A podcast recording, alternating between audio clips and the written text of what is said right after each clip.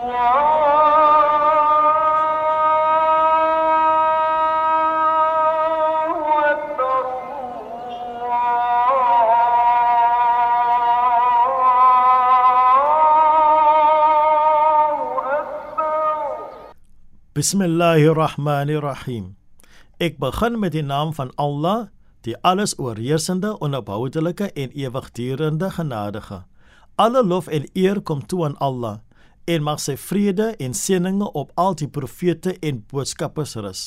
Ek vra ondersteuning van die boodskappe van Allah, die vriende van die boodskappe van Allah en van ons leermeesters. Assalamu alaykum wa rahmatullahi wa barakatuh.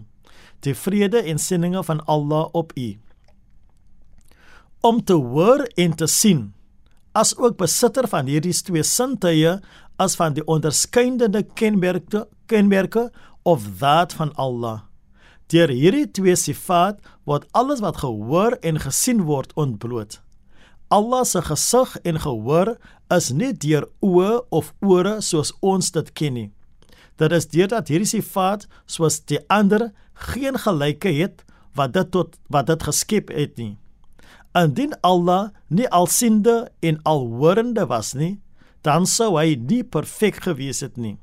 Sy gesig en gehoor sou dan verminder gewees het en dan sou hy iets of iemand nodig gehad het om die restant daarvan te ver, te vervolmaak.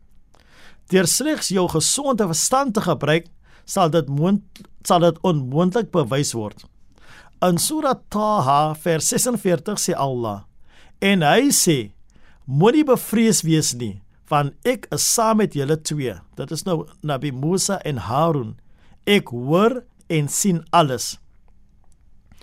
Al-kalam om te praat en mutakalliman die besitter van spraak is weer eens 'n ewigdurende sifa wat te doen het met die essensie van Allah. Dit is 'n sifa sonder woorde en klank.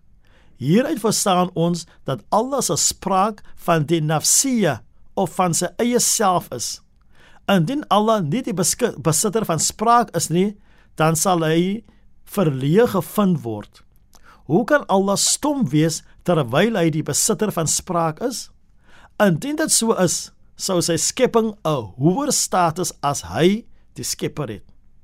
Allah sê in die Koran in Surah An-Nisa vers 164 en aan Musa Allah het met hom gepraat.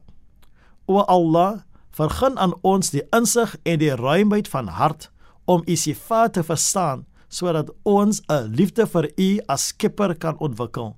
O Allah, u is die draaier van die hart. Draai ons harte tot u gehoorsaamheid. Ons vra dit met die seëninge, die goedheid en die geheimenisse van Surah Al-Fatiha. Bismillahirrahmanirrahim. Ek begin met die naam van Allah, die alles oorheersende, die onverboudelike, genadige. Alle lof kom Allah toe, die Heer van die geskaapte orde, die alles oorheersende, genadige, die onverboudelike en ewigdurende genadige. Meester van die oordeelsdag. U alleen aanbid ons en u alleen smeek ons om hulp. Lei ons op die regte weg, die weg van hulle wie u guns verdien nie die weer van hulle op wie u toren neergedaal het nie of die weer van hulle wat afgedwaal het nie. Walhamdulillahi rabbil alamin in alle dank en lof kom toe aan Allah.